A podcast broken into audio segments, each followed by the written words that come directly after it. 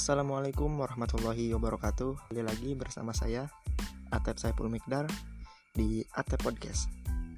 Baik teman-teman semua para pendengar podcast setia Selamat datang di episode ke-10 Mungkin ini adalah episode yang terakhir Membahas tentang mata kuliah fikih muamalah.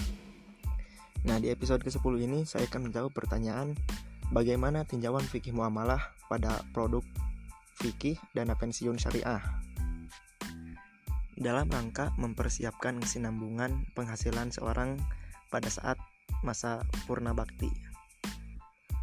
Perlu dilakukan penghimpunan dan pengelolaan dana melalui dana pensiun.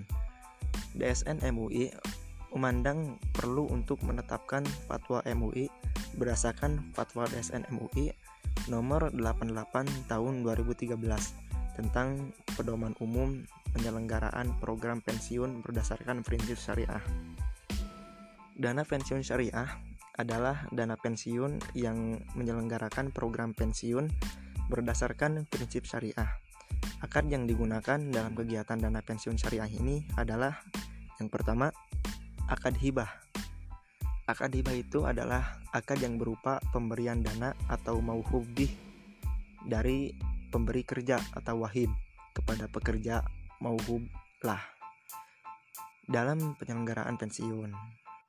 Nah, yang kedua, akad hibah bisyahab yaitu hibah yang baru terjadi atau efektif apabila syarat-syarat tertentu terpenuhi.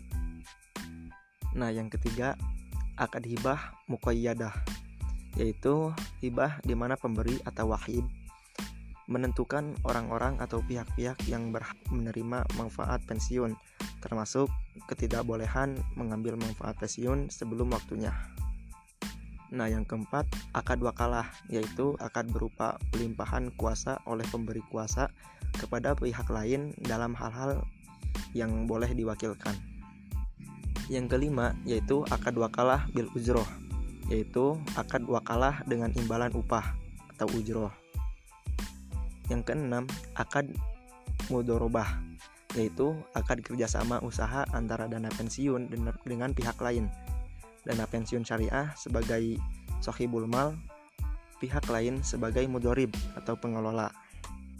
Keuntungan dibagi sesuai nisbah yang disepakati, sedangkan kerugian dibebankan kepada dana pensiun syariah apabila kerugian tersebut terjadi bukan karena kelalaian pengelola.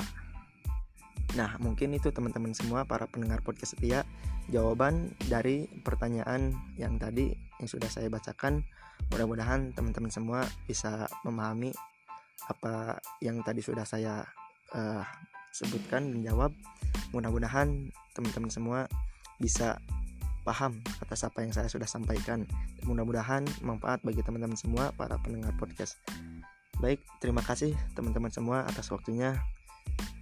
Sampai jumpa di episode-episode selanjutnya. Salam Sunda, Sampurasun.